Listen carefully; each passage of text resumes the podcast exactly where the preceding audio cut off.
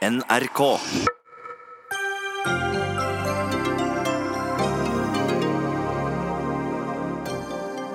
Norsk næringsliv håper på en klar seier i valget i Storbritannia. For Boris Johnson Arbeiderpartiet, ikke overraskende, ser det annerledes. Mye står på spill for britene og for oss andre i valget som ble kastet over dem, og som pågår akkurat nå. Lillestrøm rykket ned fra Eliteserien i går. Det var svart røyk fra bengalske bluss. Fansen stormet stadion og beleiret garderoben. Får vi svenske tilstander i norsk fotball? PST bekrefter at en nordmann i 20-årene har hatt kontakt med terrornettverket. Politiet i Danmark mener de har avslørt. To kvinner og syv menn ble siktet i dag etter aksjonen over hele landet i går. Og hvordan skal vi best ta vare på barn som skal dø? Regjeringen vil satse på et eget barnehospice. Leger og en god del pårørende er bekymret for at alvorlig syke barn skal sendes hjemmefra, fra tryggheten, idet livet går mot slutten.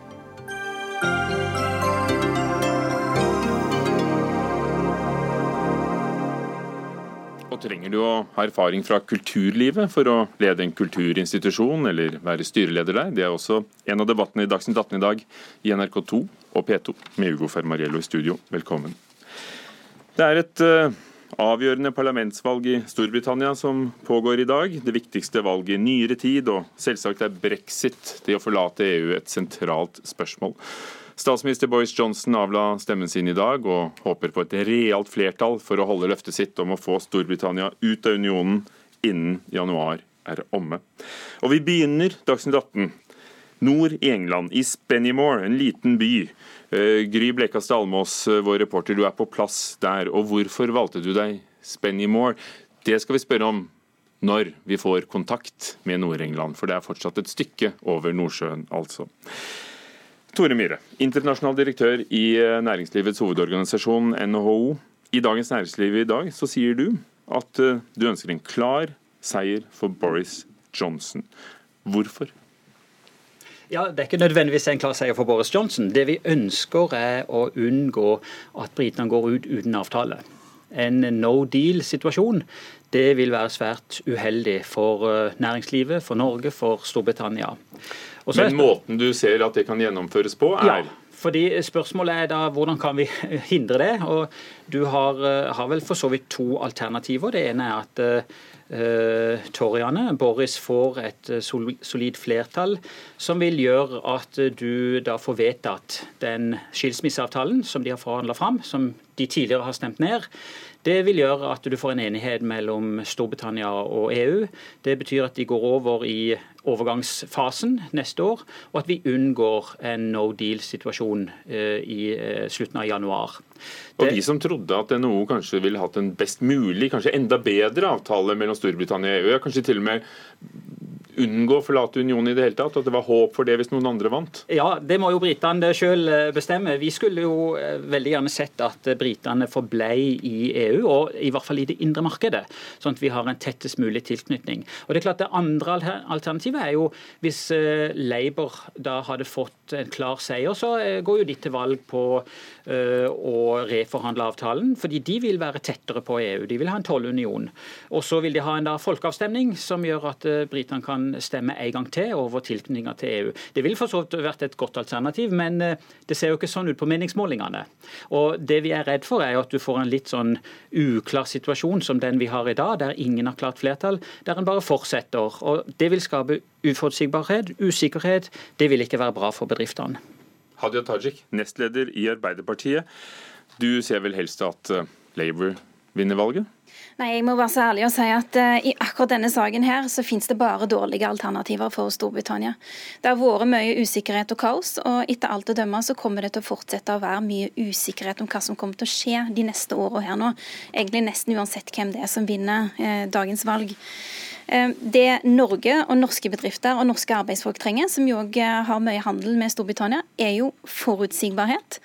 Men eh, brexit kommer til å ta lang tid. Eh, altså Man har jo på plass denne skilsmisseavtalen som det ble referert til, men den vil jo vare i ett år. Og den handler eh, altså den vil, Man kan forlenge den i to år til, men nå har jo Boris Johnson gått ganske høyt ut på banen og sagt at det, det er jo noe som han ikke ønsker å gjøre. Han har jo for så vidt måtte spise seg i den type ting tidligere. Man sa på et tidspunkt at han ville heller dø i en grøft enn å utsette datoen for brexit. Nå har den jo blitt utsatt én gang allerede. Så det må være lov å håpe at man forlenger den midlertidige avtalen med EU for å kunne liksom få på plass en, en mer stabil avtale på lengre sikt. Fordi Hvis ikke så risikerer man i slutten av 2020 å gå mot en, en no deal-situasjon. og Det vil være ganske dramatisk for en del norske bedrifter. Men hva risikerer vi, Tore Myhre, hvis, hvis dette blir halt ut og, og kanskje Corbyn sitter i nummer ti ganske snart? Ja, eh, så lenge du har den usikkerheten, eh, så betyr det jo at eh, investeringene går ned. Usikkerhet og uklarhet fortsetter, og det betyr at bedriftene det vil bli mindre handel. og Det er jo ikke bra for noe at du fortsetter denne uklare situasjonen. Og nå er vi jo fremdeles det kun skilsmisseavtalen det er snakk om, etter tre og et halvt år. Og En har enda ikke begynt forhandlingene om det permanente avtalen. Og Det er jo det vi må komme oss over i det sporet der. og Vi må uh, kunne bruke tida på noe mer enn å snakke om brexit. Nett, nettopp å løse utfordringene vi står overfor. Hvor skal EU gå videre? Hvor skal britene gå videre? Uh, og Det er vel derfor det er en slags um, man er veldig eh, lei av den diskusjonen nå, både i næringslivet og hos folk flest. og Det er vel derfor man ønsker å få det unna. Men hvis jeg leser det riktig i Dagens Næringsliv i dag, så, så er det så konkret om at det frykter svakere kronekurs, svakere pund, mindre handel mellom Norge og Storbritannia. En, eh, hvis du ikke får en uh, avklaring, så, så, kan jo det være konsekvenser. Og Vi ønsker jo ikke at det skal gå dårlig i Storbritannia. Storbritannia er vår største handelspartner. så Storbritannia er viktig for Norge, så vi ønsker tett kontakt med britene videre. Og Da er det kanskje Hadia Tajik bedre å, å, å, rive av plasteret som Boris Johnson vil, og, og få det avklart og, og beholde forbindelsene på det litt sånn Eh, anspente, men tross alt eh, nivået vi har vent oss til? Altså Storbritannia er eh, Norges viktigste handelspartner, men eh, det er òg sånn at omtrent 80% av den eksporten som vi har til de, er olje og gass. og Det er jo noe som går i rør eh, og ikke er avhengig av grensekontroll. Eh, og Det er noe som må reguleres i bilaterale avtaler. Så det du da sitter igjen med, er 20% av eksporten altså vår til Storbritannia, som da er varer og tjenester som blir veldig direkte berørt av dette her. Og Det skal vi snakke mer om ganske snart. Og menneskene, ikke minst. Alle britene som bor og arbeider i Norge. Alle nordmenn som bor, arbeider, studerer, lever i Storbritannia. Vi kommer tilbake til det. La oss ta turen til Spennymoor, nord i England. Arbeiderklassestrøk og en bastion for Labour i flere tiår. Hvordan ser det ut i Spennymoor nå? Nå hørte jeg ikke spørsmålet, for vi har hatt litt tekniske problemer. Kan du gjenta det? Jo da, Gry Blekkastad Almås. Du har altså valgt deg Spennymoor, et arbeiderparti bastion. Eh, hvorfor dro du dit? Jeg dro hit fordi eh, bak denne røde muren, som den gjerne kalles, så eh, kan eh, det skje en liten revolusjon eh, i kveld ved at eh, dette, denne valgkretsen som jeg er i nå, f.eks. kan komme til å få en konservativ parlamentariker for aller første gang. Her har Labour hatt styringa siden 1935 kontinuerlig, og siden 1918 med ett eneste unntak, og det var ikke en konservativ politiker. Men det er nettopp nettopp brexit-spørsmålet som dere har diskutert i studio, som er eh, den store saken her. Her stemte nemlig folk eh, for brexit, de vil gjerne ut av EU. Og nå er de lei av politikere som eh, ikke klarer å gjennomføre det de ba om i 2016. Så selv om det smerter mange, jeg har snakka med mange i dag som nå forlater Labour og gir sin stemme til det konservative partiet, det gjør dem veldig vondt, for det er en lang tradisjon de nå går eh, bort ifra, eh, så, så gjør de det av hensyn til at de nå vil ha brexit gjennomført. Betyr det at dette virkelig overskygger alle andre tema som er viktige for, eh, for folk i, i Spennymoor, som, som, du har møtt? Har de tenkt da å gå tilbake til Labour når de har fått landet sitt ut av EU? Det er en generell mistillit til alle politikere her, eh, egentlig. De, de, det er mange som sier at de ikke vil stemme i år, eh, på verken eh, Labour eller Det konservative partiet. Der jeg har møtt folk som sier at de skal stemme, men de aner ikke hvem de skal stemme på. Det er noen andre saker, særlig helsevesenet, som er viktig for folk her. Og så må vi forklare litt hva slags område vi er i. Nordøst-England. Dette er jo det stedet hvor gruvedriften sto veldig sterkt fram til gruvene ble nedlagt på 1980-tallet. Eh, siden den gang har disse områdene forfalt. Det har vært veldig lite satsing på disse områdene. Det er ganske stor fattigdom, og det er eh, stor arbeidsledighet også. En stor frustrasjon blant de menneskene eh, som bor her. Og Den frustrasjonen føler de at ingen av de politiske partiene tar på alvor. Heller ikke Tony Blair, som i sin tid representerte nabovalgkretsen, også den en Labour-bastion. Flere av disse her i nordøst kan komme til å gå til det konservative partiet i kveld. Hvis de gjør det, eh, så kan det være dette området som er med på å sikre at Boris Johnson får det flertallet han trenger for å få gjennomført brexit. Ja, Hvor stort flertall trenger han? Hvor holder det med et knapt flertall? Må han, øh, må han være rikelig for å, å, få gjennomført planene sine om å forlate øh, EU innen 31.1? Nei, Det holder med et flertall. Eh, det er eh, i utgangspunktet. Eh, han har jo nå et mindretall, og det holder ikke for å, få gjennomført denne brexit-avtalen sin. Men får han et flertall, altså flere enn 326 mandater i parlamentet, så har han et rent flertall. Er, målingene har jo vist at han har en ledelse på Labour med sånn ca. 10 prosentpoeng, men den siste målinga jeg så i går, der var den nede i 5 prosentpoeng. Det har eh, blitt tettere og tettere i sluttspurten. Og Labour har på mange måter mer å gå på. De har mulighet til å stjele flere stemmer fra eh, liberaldemokratene enn det konservative partiet har til å stjele flere stemmer fra brexit-partiet, som på en måte er der hvor de i hovedsak henter sine stemmer eh, fra. Så det kan bli veldig tett, dette her. Og pga. valgsystemet her, som er flertallsvalg i enmannskretser, så er det også vanskelig for disse meningsmålerne å få helt eh, eksakte beregninger. Eh, og i valgkretser som denne her, da, hvor det er bare noen få eh, stemmer som ved forrige valg skilte den konservative kandidaten og Labour-kandidaten, så kan det være liksom den ene stemmen som avgjør om mandatet herfra går til det ene eller til det andre partiet. Så det blir kjempespennende å se hvem som ender med et flertall, eller om det blir en mindretallsregjering og et mulig samarbeid mellom flere partier, f.eks. de skotske nasjonalistene og Labour-partiet. Takk skal du ha. Gry Blekastad Almås, noen mil sør for Newcastle, altså rett mot uh, ikke langt fra Nordsjøen. Og fra deg flytter vi oss til London, hvor uh, Trine Andersen er ansvarlig redaktør for nettsiden britiskpolitikk.no. Du har fulgt med på britisk politikk i mange tiår. Har i London andre saker enn brexit også i det hele tatt vært på dagsordenen?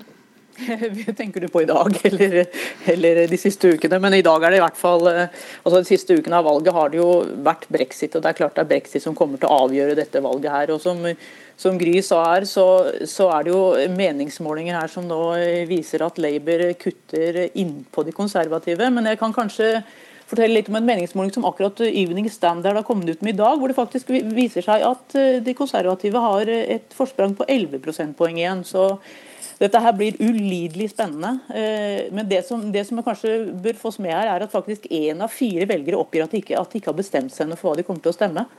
Eh, ja, De har til klokken 11 norsk tid i kveld, ja, og, og, da kommer altså. valgdagsmålingen. Ja. Kan det hva skjer hvis det blir et såkalt hung parliament, at ikke noe parti får, uh, får flertallet uh, alene til å danne regjering?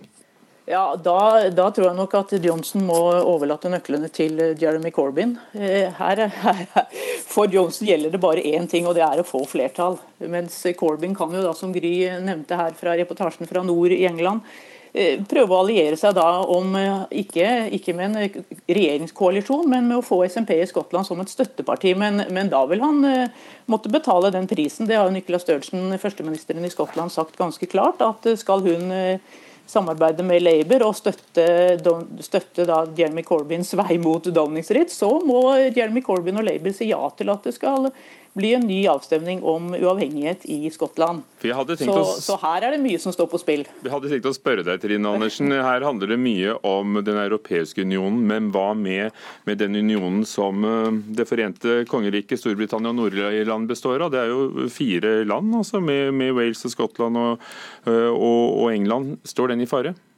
Ja, det vil jeg absolutt si den gjør. Altså, den står i fare hvis uh, hvis nå Boris Johnson får et flertall, så, så er vi jo klar over at motstanden mot brexit er veldig veldig sterk i Skottland. og Det er, jo, det er vel ingen tvil om at da vil sikkert eh, de, de, alle disse prosentene som vil, vil ha uavhengighet, at den, det vil gå opp, rett og slett. Og eh, som sagt, Hvis det er Jeremy Corbyn som flytter inn i Downing-Street tid, da skal vi nå snakke om uten et flertall. Det kan jo skje en sensasjon, selvfølgelig, at han overrasker oss alle og får et eh, flertall i kveld. eller i når vi har talt opp stemmene, når stemmene er talt opp i morgen. Men eh, så, så, kan altså SMP stille ganske sterke krav her. og Hvis vi da får en eh, avstemning om uavhengighet eh, i løpet av 2020, da, som Nicola Størtsen sier hun vil ha, så kan jo den da ende med at skottene sier ja til uavhengighet. og Da, da går unionen, den britiske unionen i oppløsning. Så her er det mye som står på spill, ja. Takk skal du ha. Trine Andersen, redaktør av Britisk politikk. Ennå Hadia Tajik i Arbeiderpartiet. Ja, hvordan hadde det sett ut for Norge hvis Skottland og resten av Storbritannia skiller lag? Nei, Det vil jo bare skapt enda mer usikkerhet. Eh, altså for så eh, sender vi jo mye uprosessert eh, fisk, bl.a. til Skottland. og Det jo, handler jo om at man har avtaler i bunn som gjør at eh, det lønner seg. Man er jo nødt til å se på lønnsomheten til en del bedriftsmodeller og en del eh, ja, altså næring som det har vært ganske grunnleggende å drive med i dette landet. Så det er, ja, det er ikke en ønskelig situasjon, den uforutsigbarheten som her blir skapt. Og selv om vi nå har en midlertidig avtale med Storbritannia, som kommer til å slå inn hvis det er behov for det, så gjelder jo den bare for varer. Den gjelder jo ikke for tjenester, f.eks. Og vi har ganske utstrakte eh, altså handel knytta til tjenester med Storbritannia. Eh, tilsvarer nesten 40 milliarder kroner. Så det er klart at det å få slått fast hva som kommer til å være det langsiktige forholdet vårt til Storbritannia, det kommer til å være viktig. Ja, Hvor avhengig er vi av briter, av britiske mennesker som kommer og jobber her, eh, Tore Myhre, i NHO? De, eh, det er veldig tett samarbeid og veldig stor eh, avhengighet. Det er, det er kortere fra Aberdeen til Stavanger enn fra Stavanger til, til Oslo i, i, praksis. Veldig tett utveksling av både arbeidskraft og tjenester. Og til verftsindustrien på Vestlandet og offshore så er det veldig viktig. Og med dagens system, med EØS-avtalen, så kan arbeidere reise fritt. Vi kan utføre tjenester tjenester på tvers av landegrensene uten noen hindringer, uten en avtale. og Det blir heller ikke fanga opp av den midlertidige avtalen vi har. Så hva, hva skjer da? ja, Da er det mye vanskeligere å ta jobb, og også midlertidige kontrakter. og Mye av det i verftsindustrien så trenger du eksperter som en sveiser eller en ingeniør på kort varsel. Skal du da bli utenfor land, eh, så er det helt andre søknadsprosedyrer, kanskje måneder med søknadsbehandling. Det er veldig ineffektivt for industrien. og vil ødelegge mye av det tette samarbeidet og, og også tilgang til arbeidskraft. Men dette, hvis jeg forstår det riktig, er et helt realistisk scenario. Sånn kan det bli hvis Boris Johnson eh, får dette til fort? Uh, ja, uh, hvis, hvis, de går over i den overgangsperioden, hvis de får den avtalen de har nå, så blir det ikke noe forandring på det ut, ut neste år. Men faren er jo hvis du da ikke får en permanent avtale på plass, at du får en ny no deal-situasjon 31.12. neste år. Det er bare et år til. Ett år er kort, veldig kort tid på å forhandle fram en ny avtale. Og Det er jo et scenario som vi er veldig bekymra for. Tror du norske politikere og ja, Nå sitter jo ikke du i regjering nå, men eh, at vi klarer å forhandle en løsning for alle disse titusenene av menneskene som bor på hver side av Nordsjøen? Foreløpig så vet vi jo ikke engang hvordan Norge kommer til å forhandle etter hvert eh, med Storbritannia. Kommer til å forhandle alene, kommer til å forhandle sammen med EFTA-landene. Dette er jo ting som vi har etterspurt fra næringsministeren, altså overfor næringsministeren. Eh, foreløpig har han ikke kunnet svare på det. Men det vil jo òg ha noe å si for Norges forhandlingsposisjon og hvilken gjennomslagskraft vi i det hele tatt klarer å ha her. For Storbritannia er store for oss, men vi er kanskje ikke så store for Storbritannia? Altså Når vi ser på hvem som er de viktigste handelspartnerne deres, så er ikke Norge på topp ti engang gang. Vi kommer først på nummer tolv. Så når de skal sette seg ned og forhandle fram avtaler, så er det ikke sikkert at vi kommer aller først i den rekken der. Og det betyr jo dessverre igjen fortsatt langvarig usikkerhet for eh, norske arbeidsfolk og norske bedrifter. Takk skal du ha. Hadia Tajik, nestleder i Arbeiderpartiet. Tore Myhre, internasjonal direktør i NHO. Og dette valget det pågår frem til klokken 23 norsk tid, og fra 22.20 på NRK1 på TV så handler det bare om valget i Storbritannia i Urix. Og der får vi med oss de første valgdagsmålingene når klokken slår 23. Dagsnytt 18 alle hverdager klokka 18.00 på NRK P2 og NRK2.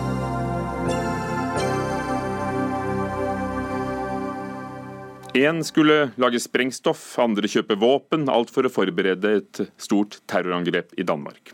Det er i hvert fall tesen til politiet, som i går arresterte 21 kvinner og menn mistenkt for nettopp terrorplanlegging. Motivet, ifølge politiet, militant og islamistisk. En sak som satt Danmark på hodet. Og i dag bekrefter norske PST at det er en forbindelse fra den danske aksjonen til én konkret person i Norge. I løpet av dagen i dag ble to kvinner og syv menn siktet i Danmark for terrorplanlegging. Eirik Veum, vår reporter, du følger saken fra København. Hva vet du om denne koblingen til Norge? Det er bekreftet at det er en relasjon mellom en norsk person og dette nettverket som er da sannsynligvis har rullet opp her. Denne personen og hvem den er i Norge, er det ennå ingen som vil bekrefte. Men etter det NRK kjenner til, så skal dette være en uh, ung mann i begynnelsen av 20-årene. Han kommer fra Telemark og har vært arrestert i Norge siden september i år. Han er um, varetektsfengslet og blir da etterforsket for noe av det samme som gjelder disse her i Danmark, nemlig planlegging og forberedelse av terrorvirksomhet. Han er eh, en, eh, tilhører et radikalt islamistisk miljø, men har tidligere vært uh, involvert i narkotikavirksomhet og voldsepisoder i Norge. Men reiste da til et afrikansk land og ble radikalisert der. Og nå er han altså da fengslet og siktet for, for slike forhold. Vet vi noe mer om hva kontakten skal ha bestått i med det danske nettverket? Nei, det, altså det har vært, Dette er et lukket fengslingsmøte, så om det har vært tema der inne, så vet vi ingenting om det. Men det som blir sagt, i alle fall, er at eh, denne nordmannen skal ha hatt kontakt med internasjonale nettverk, da muligens også det danske, ved hjelp av, eh, av internett. Og Da kan man tenke seg sosiale medier, krypterte meldinger eh, og den slags type kontakt. Det er jo det vi vet at disse nettverkene tidligere har hatt, og det kan være grunn til å tro at man har gjort det, på samme måten her. I går fikk vi vite at det var stasjoner over hele landet, at det var snakk om et islamistisk motiv, og at det var eh, konkret planlegging som skal ha foregått, ifølge politiet. Hva er kommet frem i dag? I dag har vi fått vite siktelsene og litt mer om de involverte. Når det gjelder siktelsene, så har man da hatt to ulike fengslingsmøter. Og man har delt da de åtte her i København i eh, to grupper. Den ene gruppen er da eh, fem personer, en kvinne og fire menn. De skal ha hatt som oppgave, ifølge politiet, å få skaffe til veie skytevåpen. Sannsynligvis er det snakk om pistoler, kanskje eh, maskinpistoler eller type lette geværer. Hvor man da skulle også få tak i lyddempere og ammunisjon. Den andre gruppen, som består av de tre resterende, de hadde til oppgave å produsere eller få tak i sprengstoff av typen TATP. Det sier kanskje ikke så mange av oss så mye, men det er altså et sprengstoff som er ekstremt farlig, som det er lett å produsere og vanskelig å oppdage. Og det, er, eh, det, har vært benyttet i en rekke terroraksjoner eh, tidligere. Og I flere terrorgrupper så omtales dette sprengstoffet som eh, Satans mor. Både fordi det er et farlig sprengstoff hvis man ikke håndterer det riktig, og det kan lett gå av. Det har vært flere ulykker da hvor hvor personer har, har forsøkt å, å, produsere dette, og så har det, har det, eksplodert. Men også fordi at konsekvensen av å bruke det, hvis man får det til å fungere mot de målene man ønsker, har da en enorm ødeleggelseskraft. Så begrepet 'Satans mor' forteller både om virkning og ikke minst effekten det sprengstoffet har. Eirik Wem, vet vi noe om, om, eh, hvilke mål de skal ha hatt for denne aksjonen, ifølge politiet igjen? Nei, politiet har jo nøyd seg med å fortelle offentligheten at dette skal være mål i Danmark eller i utlandet. Og Det er her en del kommentatorer nå begynner å bemerke at politiet er vage i siktelsen. Litt for vage. Og det blir spekulert i om de egentlig har en så god sak, og hva saken egentlig består i, når siktelsen ikke engang indikerer noe mer enn at dette skulle være mål et sted i Danmark eller i utlandet. Så eh, vi vet lite om, eh, om eh, hva politiet mener målene skulle ha vært. Men man kan jo tenke seg da hva, hva, en terrororganisasjon eller et nettverk kunne tenke seg å ramme.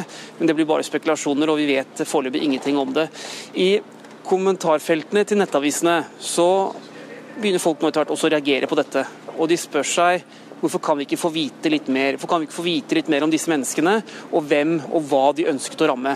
Og det er klart Nå er det mange i Danmark her som, eh, som er utrygge og lurer på hva som egentlig, egentlig skjer i, eh, i, samfunnet de er en del av. Takk skal du ha, reporter Eirik Veum som følger eh, saken fra København.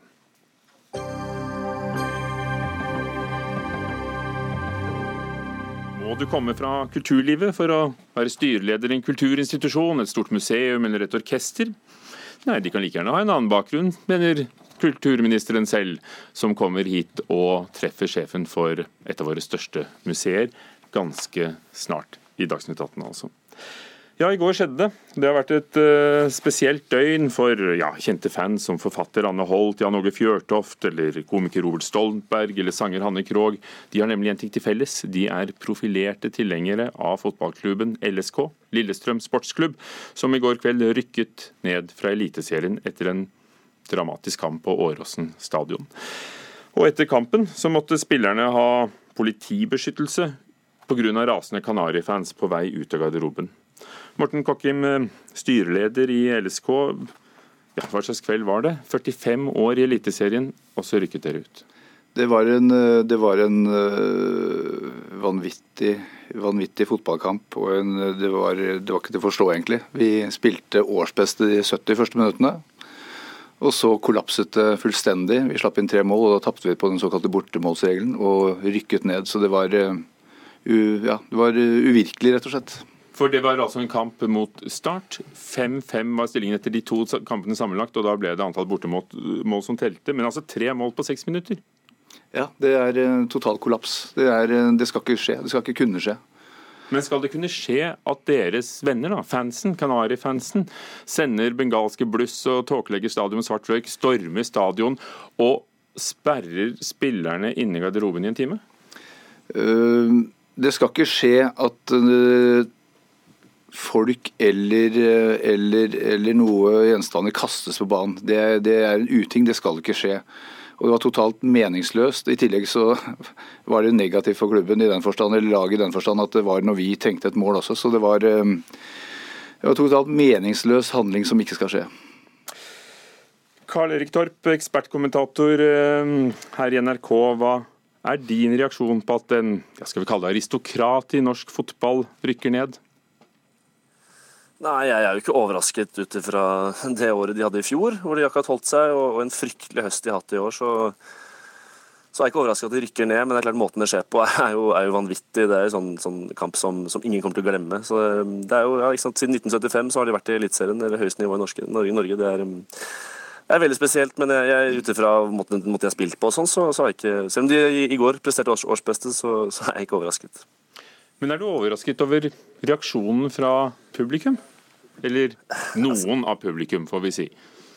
Ja, altså jeg, jeg, sitter og ser den kampen i går, og det er så mye i potten for begge lag. Og det er en fantastisk ramme rundt kampen. og det det, fotball er følelser, og det, det fikk, fikk, man på alle mulige måter i går. altså Høyt og lavt, og, og, og en vanvittig snu, snuoperasjon for Start. Selvfølgelig motsatt for, for LSK. Da, da, er det vanskelig å takle. Men jeg liker, jeg liker jo at det er kamper folk snakker om. At dette her er noe som alle i norsk fotball må snakket om i går. Eh, det var en Champions League-runde på kvelden som, som, kom helt i, i bakleksa. Det, det, er på en måte det norsk fotball trenger, at, at, det er det vi snakker om, vårt produkt. Eh, og så, men, men snakker det om det av, av de riktige grunnene, altså supporterbråk? Ja, det, det, det er jo en, en, del av det. Som, som, Når det er så mye følelser, så er det dessverre noen som ikke klarer å holde seg. Det er jo fullstendig må man ta fullstendig avstand fra. at Når det, når det blir kastet ting på banen, det er trusler og det er uh, rasistiske tilrop, så, så, er det ting man må ta tak i og ta på, på høyeste alvor. Men samtidig så, så har norsk fotball ligget i liksom vakuum hvor det har betydd i, for mange kamper og for mange settinger for lite. Vi har en nedadgående kurve på tilskuertall. og da, da er det bra at det er kamper som, som det snakkes om. For, det, for det, det, er sånne kamper norsk fotball trenger, og så må vi, må vi selvfølgelig luke bort det som, som ikke skal skje på fotballbanen. Leif Øverland, administrerende direktør i norsk toppfotball. Dere er altså eh, Eliteserien og førstedivisjonsklubbenes egen organisasjon. Ser du sånn på det også? Er det bra at det snakkes om eh, bl.a. fordi ja, følelsene fikk et så fysisk uttrykk?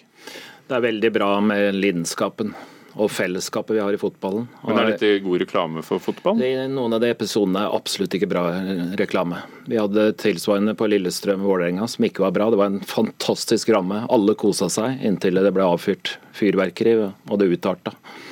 Så det er ikke akseptabelt. Og det samme i går, og som Kokkim sier her. altså de, de ødelegger jo tillegg for sitt eget lag. De ødelegger flyten når de skal ha et mål. Så det er jo, det er jo det er bare dumt. Men så må vi ta med oss at det var vel 7900 tilskuere der. og Så tipper jeg at det var en fire-fem som ødelegger for de andre. Vanligvis så har vi det heldigvis sånn i Norge. vi så jo TV-bildene, var det flere som prøvde å trenge seg inn på banen? var det ikke ja, Nå tenker jeg på de som kasta inn ja. disse røykbombene. Men totalt sett har vi jo altså, vi har 1,4 millioner tilskuere i år i Eliteserien. Det er et fantastisk tall. Når det kommer folk på Nedre Eiker i Mjøndalen, så er det altså 30% av befolkningen i Mjøndalen. Så vi har et engasjement av 7900 i går på Lillestrøm. Hvem er det som kunne tro det? 11.12. Vi hadde en cupfinale som var stappfull. Så det er, det er gøy med engasjement og lidenskapen. Morten Kokking som styreleder, um, ja, hva, hva blir konsekvensene for dere? Hva sier du til sponsorene nå? Hvordan skal du få en ny trener som skal få dere inn i Eliteserien igjen? Uh, for å ta det med sponsorene først. Vi hadde julefrokost i dag. Det var litt tungt helt i starten å, reise dit, følte jeg. Men, men, vi hadde som sagt en julefrokost i dag med sponsorene. Det var over 120 stykker der. Stemningen nå er at uh, OK, vi var triste og tomme i går kveld og i natt og når vi våkna i dag morges, men nå må vi se fremover. Eh, supporterne mm, har mye av, det, mye av de samme eh, tankene. Eh, supporterne, nei, unnskyld, Sponsorene de signerte sponsoravtale i dag morges. Og flere signerte rett etter kampen i går òg. Vi, vi, skal opp igjen, vi skal snu dette her. Så, Var avtalen like god som sist? En av de større han signerte samme avtale. Dette, dette skal han være med på. Dette skal ikke trekke seg nå. LSK er en institusjon. LSK er den største merkevaren i, i, i byen og området. Og eh, folk, vil, folk svikter ikke laget nå. det blir moro nå når de, de, skal spille mot nabobygda Strømmen? da? Det blir ikke moro. Det er ikke spesielt moro. Som også er eh, si, oppdretterklubben til Vålerenga? Ja, det, Vi har vel flere Strømmen-spillere på laget vårt enn det Vålerenga har. Men, eh, men, men, det, men, eh, vi skal eh, jobbe for at det oppholdet i Obos-ligaen blir kort som mulig. Men bare for å kommentere en ting, Det var ikke slik at alle dem du så som du sier skulle storme banen, de stormet ikke banen. De lente seg mot og jublet, og så var Ramlet inn? reklameskiltet ramlet inn. Men Det var ikke fire personer som gjorde at, at spillerne måtte ekskorteres av politiet ut av garderoben? Nei, men hvis man da hørte, hørte politiet ble intervjuet i, i, går, så mente han at politifaglig så var ikke det nødvendig, men det var eh, noen som ønsket det av eh, for sikkerhets skyld, og da, da stilte politiet opp. Men, men, det er klart det var mye temperatur etter kampen. Det var det. Og Det engasjementet må vi snu til noe positivt. og Sammen med NFF så har vi nå en gruppe som jobber med noe av dette reglementet. Skal vi ha blussing? Hvordan skal vi ha det? Og hvordan skal vi oppføre oss. Gjør det nok for å ivareta sikkerheten på fotballbanen? Eh, tydeligvis så har vi noen hendelser i år som ikke er bra nok i forhold til det, men i forhold til neste år så har vi satt ned en gruppe sammen med supporterne, og vi skal få det her på plass. Og 1,4 millioner tilskuere i år, de har kost seg stort sett. La oss få et siste ord fra fotballspilleren og nå ekspertkommentatoren Karl Erik Torp. Er det ikke litt, litt artig for en fotballinteressert at det er forandringer i, i, i toppen av norsk fotball? da? Jo da, det, det, kan du kanskje si. Men jeg, de som er i Eliteserien, de som er i toppen, de, de, fortjener å være der. Altså de, som, de som ikke fortjener å være der, de rykker ned. Sånn, sånn er det. det er, tabellen lyver jo ikke. Men det er, det er, litt rart å ikke se, se LSK i, i, i Eliteserien neste år. Og det blir veldig trist å miste det derbyet vi hadde, som jeg syns var fantastisk i år på mange måter. Eh, noen hendelser selvfølgelig mot, mot Vålerenga. Det syns jeg var en flott ramme, som var også god reklame for norsk fotball. Så når, når tror du LSK klarer å, å komme inn igjen, da? Nei, Jeg forventer at de går rett opp igjen. og jeg, Vi har sett det på lag som har tatt den veien nå. så Jeg tror det kan være sunt for, for, Lillestrøm eh, med å, å, ta den veien ned og gjøre litt endringer og gjøre litt grep. Og så komme, komme på en boost opp igjen. Det, det har vi sett flere lag i siste eh, tjene på. Det var gode ord å få med seg som styreleder, Morten Kokkim. Jeg er jo helt enig. Vi skal rett opp igjen. Tenkte meg det. Takk skal dere ha, Morten Kokkim, styreleder altså i Lillestrøm, og Karl Erik Torp, ekspertkommentatoren vår, og Leif Øverland eh, i norsk toppfotball.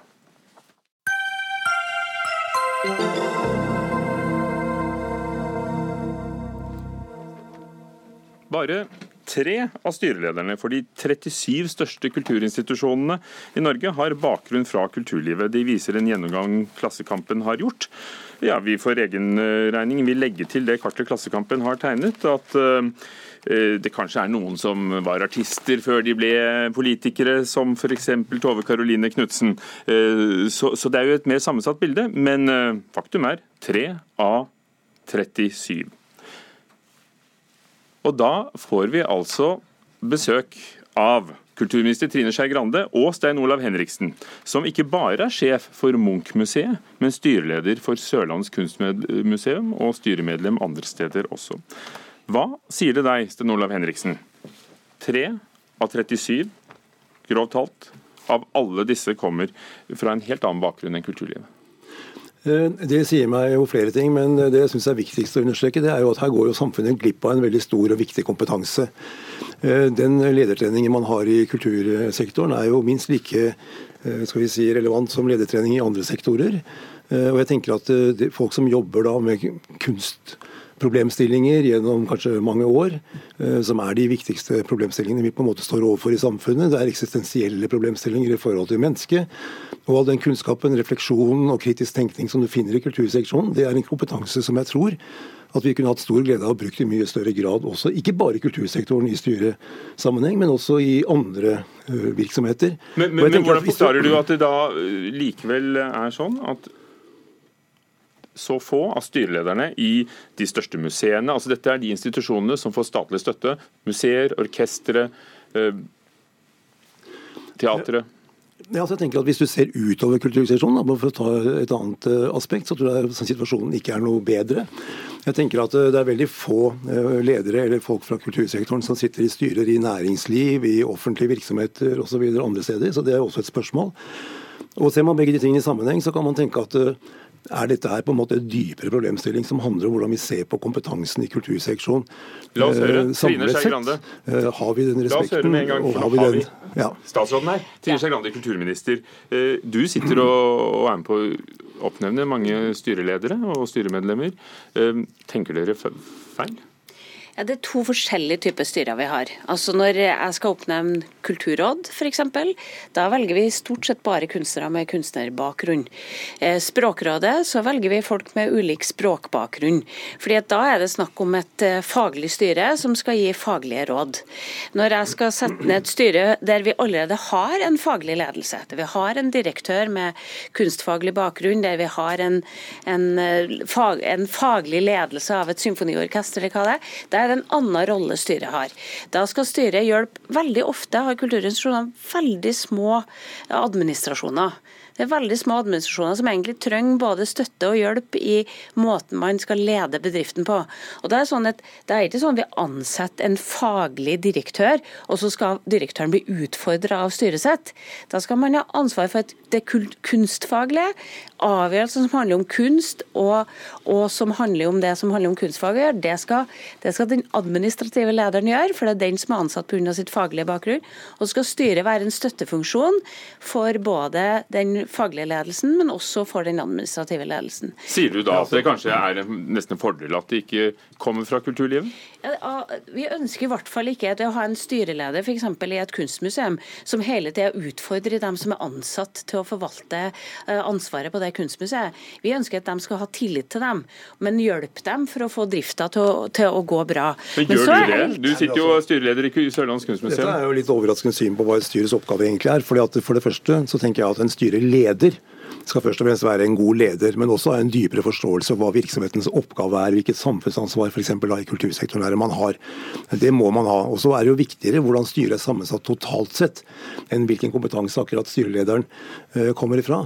Men jeg tenker også det at hvis næringslivet hadde tenkt sånn som, som Trine Skei Grande nå utvikler det, så ville man jo ikke hatt økonomer og jurister i styret fordi man allerede har økonomer og jurister i selskapene, og det blir jo helt feil. Så det er jo virkelig viktig at man i styrene sånn samlet sett har en dypere forståelse for hva kunst handler om, hva kunstinstitusjonenes rolle og samfunnsoppdrag handler om. Det kan ikke en direktør sitte med et stort styre som ikke forstår noe av, eh, og prøve å på en måte implementere det helt på egen hånd. Du trenger den kompetansen også i styret. Men det som er viktigere enn det, til og med, det tenker jeg at den kompetansen da, som styret samlet sett skal representere, ikke bare i kultursektoren, men kanskje også i andre sektorer, eh, den vil hatt stor nytte og glede av den kompetansen som utvikles i kultursektoren. Og Det er den jeg er engstelig for. At når man ikke ser den, og når man ikke anvender den, så går samfunnet glipp av viktige ressurser. Det, det, er jo ikke sånn at vi ansetter styreledere som ikke fatter hvorfor vi driver gallerier, eller hvorfor vi har et nasjonalteater. Vi har jo folk som har en grunnleggende forståelse av drifta, men vi ønsker heller ikke styrer som utfordrer det faglige, som det ansvaret som faglige og kunstneriske ledere har fått.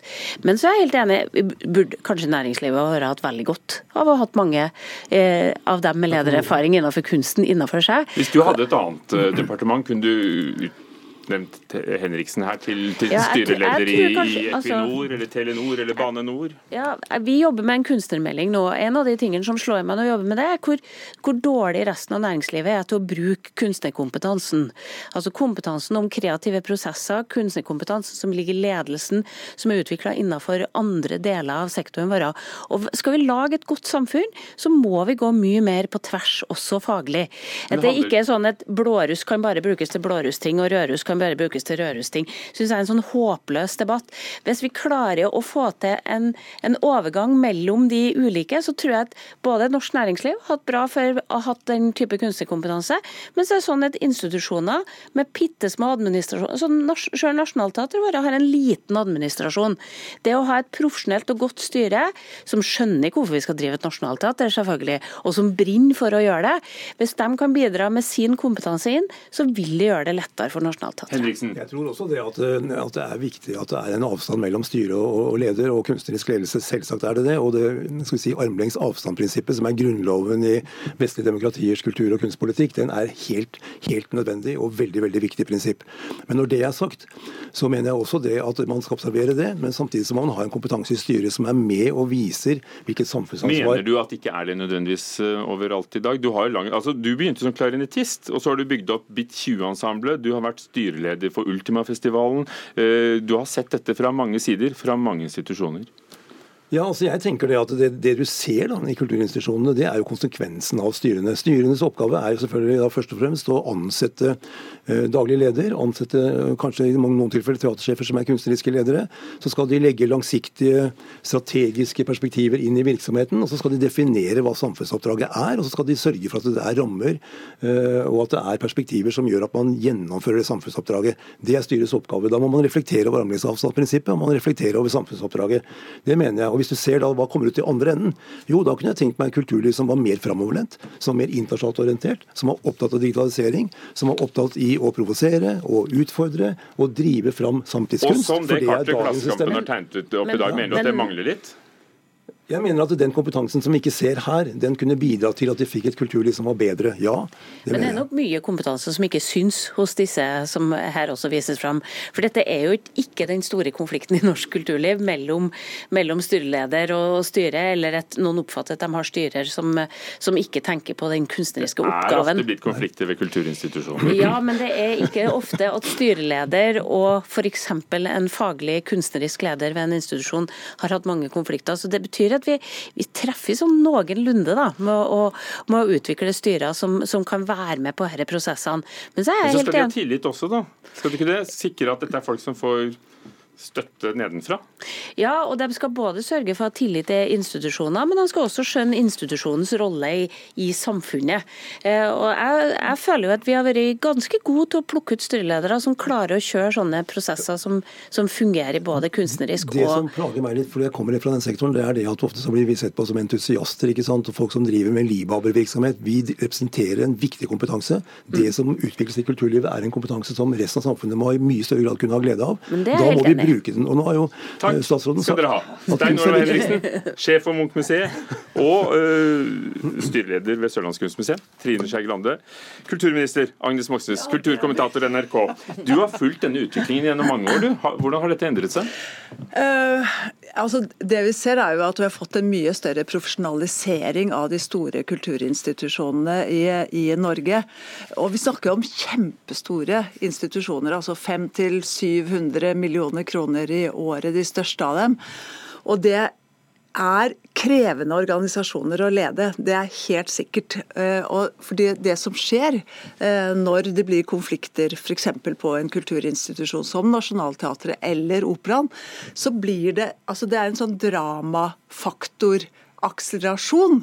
Eh, fordi at det møter ofte førstesidene på avisene, man følger opp, det er stor interesse rundt det. Så jeg tenker at For det første så er det veldig en krevende jobb å utnevne eller ha styre, altså utnevne styrer til disse store institusjonene.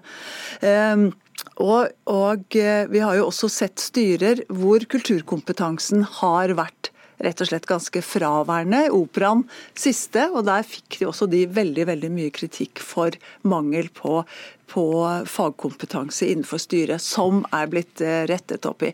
Men så syns jeg det er veldig interessant, fordi at kulturinstitusjonene er veldig imponerende gode på økonomi og prosjektstyring. Og der er det bare å fòre styrene, tror jeg, i eh, næringslivet og statens bedri statlige bedrifter med folk fra kulturlivet. For de har garantert mye å bidra med. Takk skal du ha, Agnes Moxnes.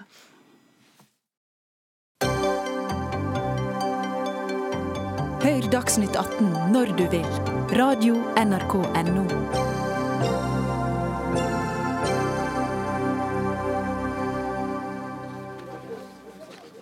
Hvordan skal vi best ta vare på barn som er alvorlig syke og kanskje skal dø tidlig? Det skal regjeringen svare på i en stortingsmelding som er på trappene.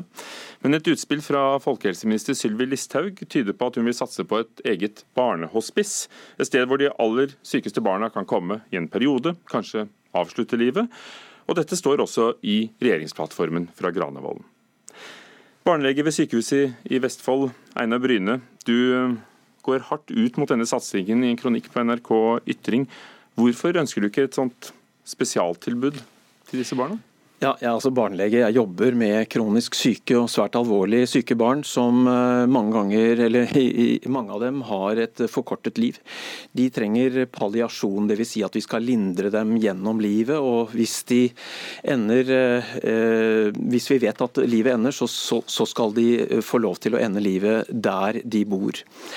Vi har en, en, habiliteringsplan som sier at barn skal habiliteres der de bor. Dvs. Si at de skal lære, de skal leke, de skal leve der de bor. Og Hvis de er så syke at de også vil dø, eh, kommer til å dø, så, så skal de få lov til å velge om det skjer på et sykehus eller om de skal skje hjemme eller i en avlastningsbolig eller i en barnebolig. Dette er det fine ordninger for. Vi er så heldige at vi har fått en, eh, en retningslinjer for barnepalliasjon av Helsedirektoratet. Det har tatt noen år å komme i gang med, men nå er det altså i gang en solid satsing i, i hvert fall i Helse, Helse Sør-Øst. Jeg har Dessverre så ser jeg at Sylvi Lystige ikke er her, fordi har en, jeg har et brev til henne fra en far som har et barn som eh, er på vei til å dø akkurat nå. En 13-årig eh, jente som bor i Vestfold. Og Far ville gjerne vært med her i dag for å fortelle om det fantastisk bra opplegget som er rundt palliasjonen av hennes barn. I dag. Silje Hjemdal, du er med fra Fremskrittspartiet. Sylvi Listhaug eh, kunne ikke, selv om hun skrev kronikken opprinnelig og står for forslaget. Men du er altså fra mm, Fremskrittspartiet på Stortinget. Og, hvorfor mener du at et hospice er det riktige tilbudet for disse barna, når du, når du hører det vi har hørt nå? For det første så vil jeg understreke at eh, valgfriheten er essensielt for eh, Fremskrittspartiet. Og det gjelder selvfølgelig også familier som eh, skal miste et barn. Og Frp har aldri på noen som helst måte sagt at et hospice er løsningen på alt. Det er rett og slett et supplement til det tilbudet vi har, og det er derfor jeg syns det er utrolig synd at vi sitter og har en debatt som er rett og slett laget på feile premisser. For det er ingen som har sagt at alle barn skal innom et hospice, eh, eller at det er der man, man eh, skal eh, ha de siste dagene sine. Snarere tvert imot. Dette er snakk om å gi disse familiene et tilbud et supplement til det vi har i dag.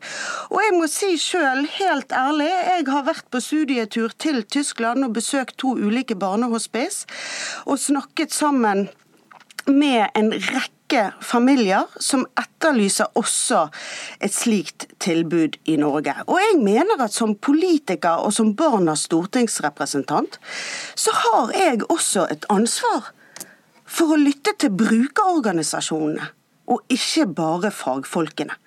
Og Her er ulike meninger om dette, og jeg skal ikke påtvinge noen som helst noe som helst tilbud.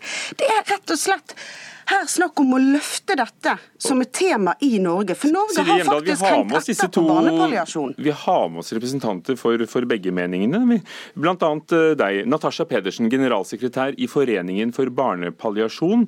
Eh, du har vært en pådriver for et eget barnehospice. Eh, I Kristiansand er det prosjektet du har jobbet for, og, og skrevet bok om det å, å, leve med et alvorlig sykt barn. Og, og hva mener du med at et barnehospice kan oppnå, i tillegg til det som finnes og til det som er retningslinjene som ligger der?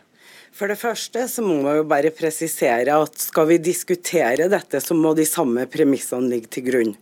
Og så er det jo ikke sånn at Foreninga for barnepalliasjon har bare jobba for barnehospice. Vi har drevet på med å jobbe med barnepalliasjon i ti år. Vi hadde tiårsjubileum her nå nylig. Jo, men og det er jo for Bryne, bry. Ja, ja, ja. Men det er viktig hva vi har jobba med før dette. Og Bryne refererer til de nasjonale faglige retningslinjene, som faktisk Foreninga for barnepalliasjon var en av de som sto bak og tok initiativ til. Og så er det sånn at Norge er et landstrakt land. Vi representerer våre medlemmer som er fra Hammerfest i nord til Kristiansand i sør. Det er et mangfold der ute, og behovene er like unike som familiene er det. Så er det sånn at vi har valgfrihet i andre land. 32 eller 38 land i Europa har denne valgfriheten. Og så er det sånn at hallo, hvem skal bestemme hvor jeg eller du skal dø? Hvem skal bestemme og gjøre seg til doms over familiene hvor de skal velge å være hen? Og så er det sånn, Bryne, at barnehospice er faktisk ikke et sted der bare barn skal dø. Det handler om så utrolig mye mer, og det er en familieomsorg. Vi mener at helsetjenesten på palliasjon skal styrkes i alle ledd.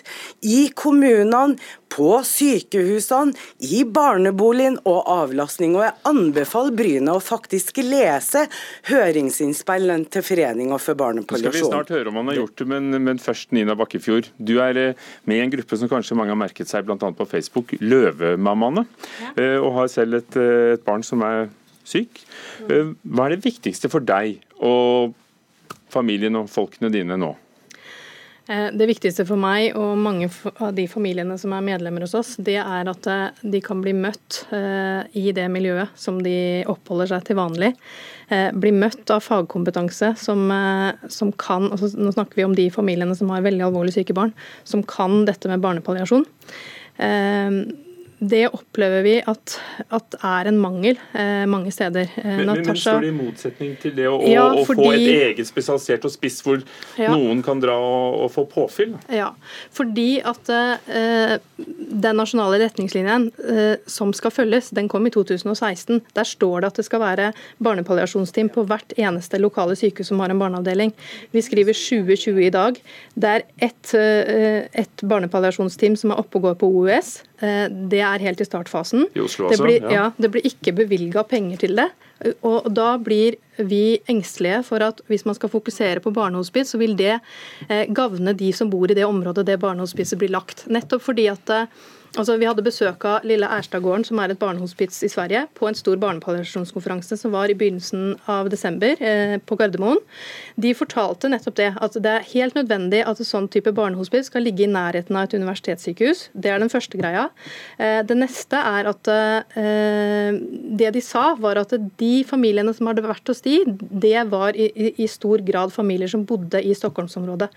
Og Det handler jo nettopp om at de alvorlig syke barna, det er ikke så lett å flytte på de i de situasjonene de er. Einar Bryne, Er det barnehospice som idé dere er imot, eller er det prioriteringen at dere vil få på plass alt dette som var lovet i 2016?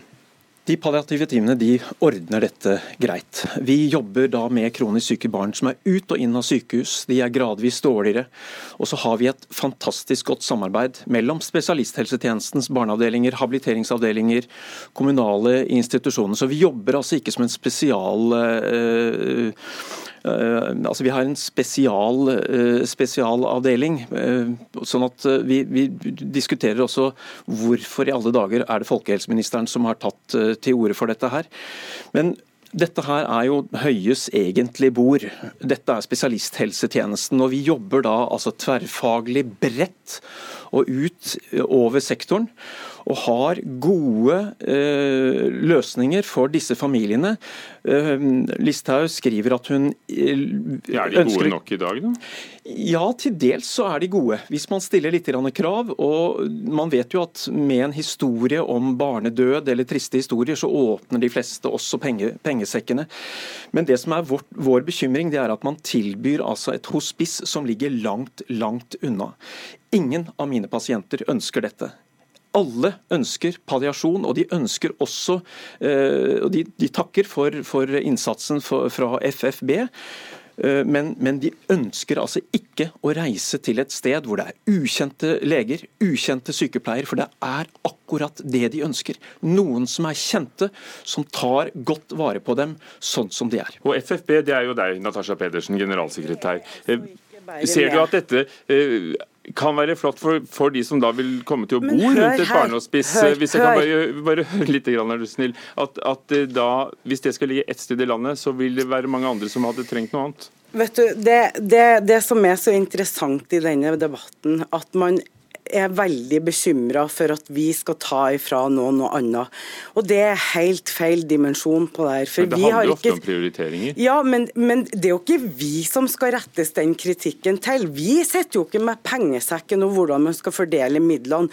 Vi representerer foreldre og pårørende fra hele landet som faktisk har barn som er så syke at de dør. Og til Bryne, barn dør as we speak. Senest nå, i dag, så har vi vært involvert i en familie som ikke har det flotte tilbudet som er i Vestfold. Og det er veldig mange bra tiltak rundt i dette landet, men dessverre så er ikke alle like heldige som de barna som bor i Vestfold.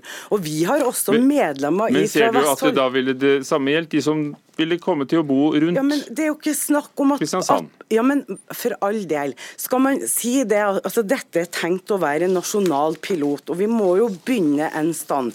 Vi tror at det å starte et barnehospice kan også være med å høste noen erfaringer og gjøre seg noen kunnskaper. I andre land som har drevet med dette i 40-45 år, det skal jo ikke være noe konkurranse her. Hvem skal hva? Vi må jo gi denne valgfriheten til foreldrene. Natasha, vi kan Natasha ikke dirigere de. Fordi tiden er et knapphetsgode her. Ja, det er det. Så, Absolutt for disse familiene òg. Ja. Men vi tar med Silje Hjemdal fra Fremskrittspartiet på Stortinget. Når du hører dette, ser du altså Helsedirektoratet, Barnelegeforeningen og flere fagfolk eh, er imot at dette skal prioriteres. At det blir en prioriteringssak. At det er folk over hele landet som vil ha tilbudet, som uh, Einar Bryne sier her, med det brevet i hånden fra en far, der de bor.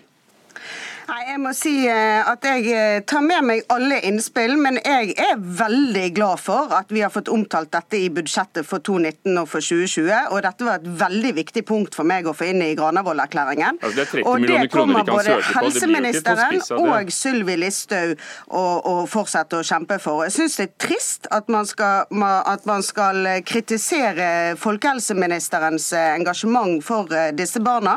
Jeg syns heller at vi skulle satt oss ned og hatt en mer konstruktiv debatt, for det er faktisk snakk om familier. Deres liv og deres hverdag. Det er Takk ikke noe konkurrent mot palliative team. Jeg gir siste ordet til deg, Det er ingen Nina et supplement. Eh, det snakkes jo om valgfrihet her. Eh, jeg tenker jo at det er nettopp valgfriheten dette går utover. Nettopp fordi at ressursene ikke strekker til.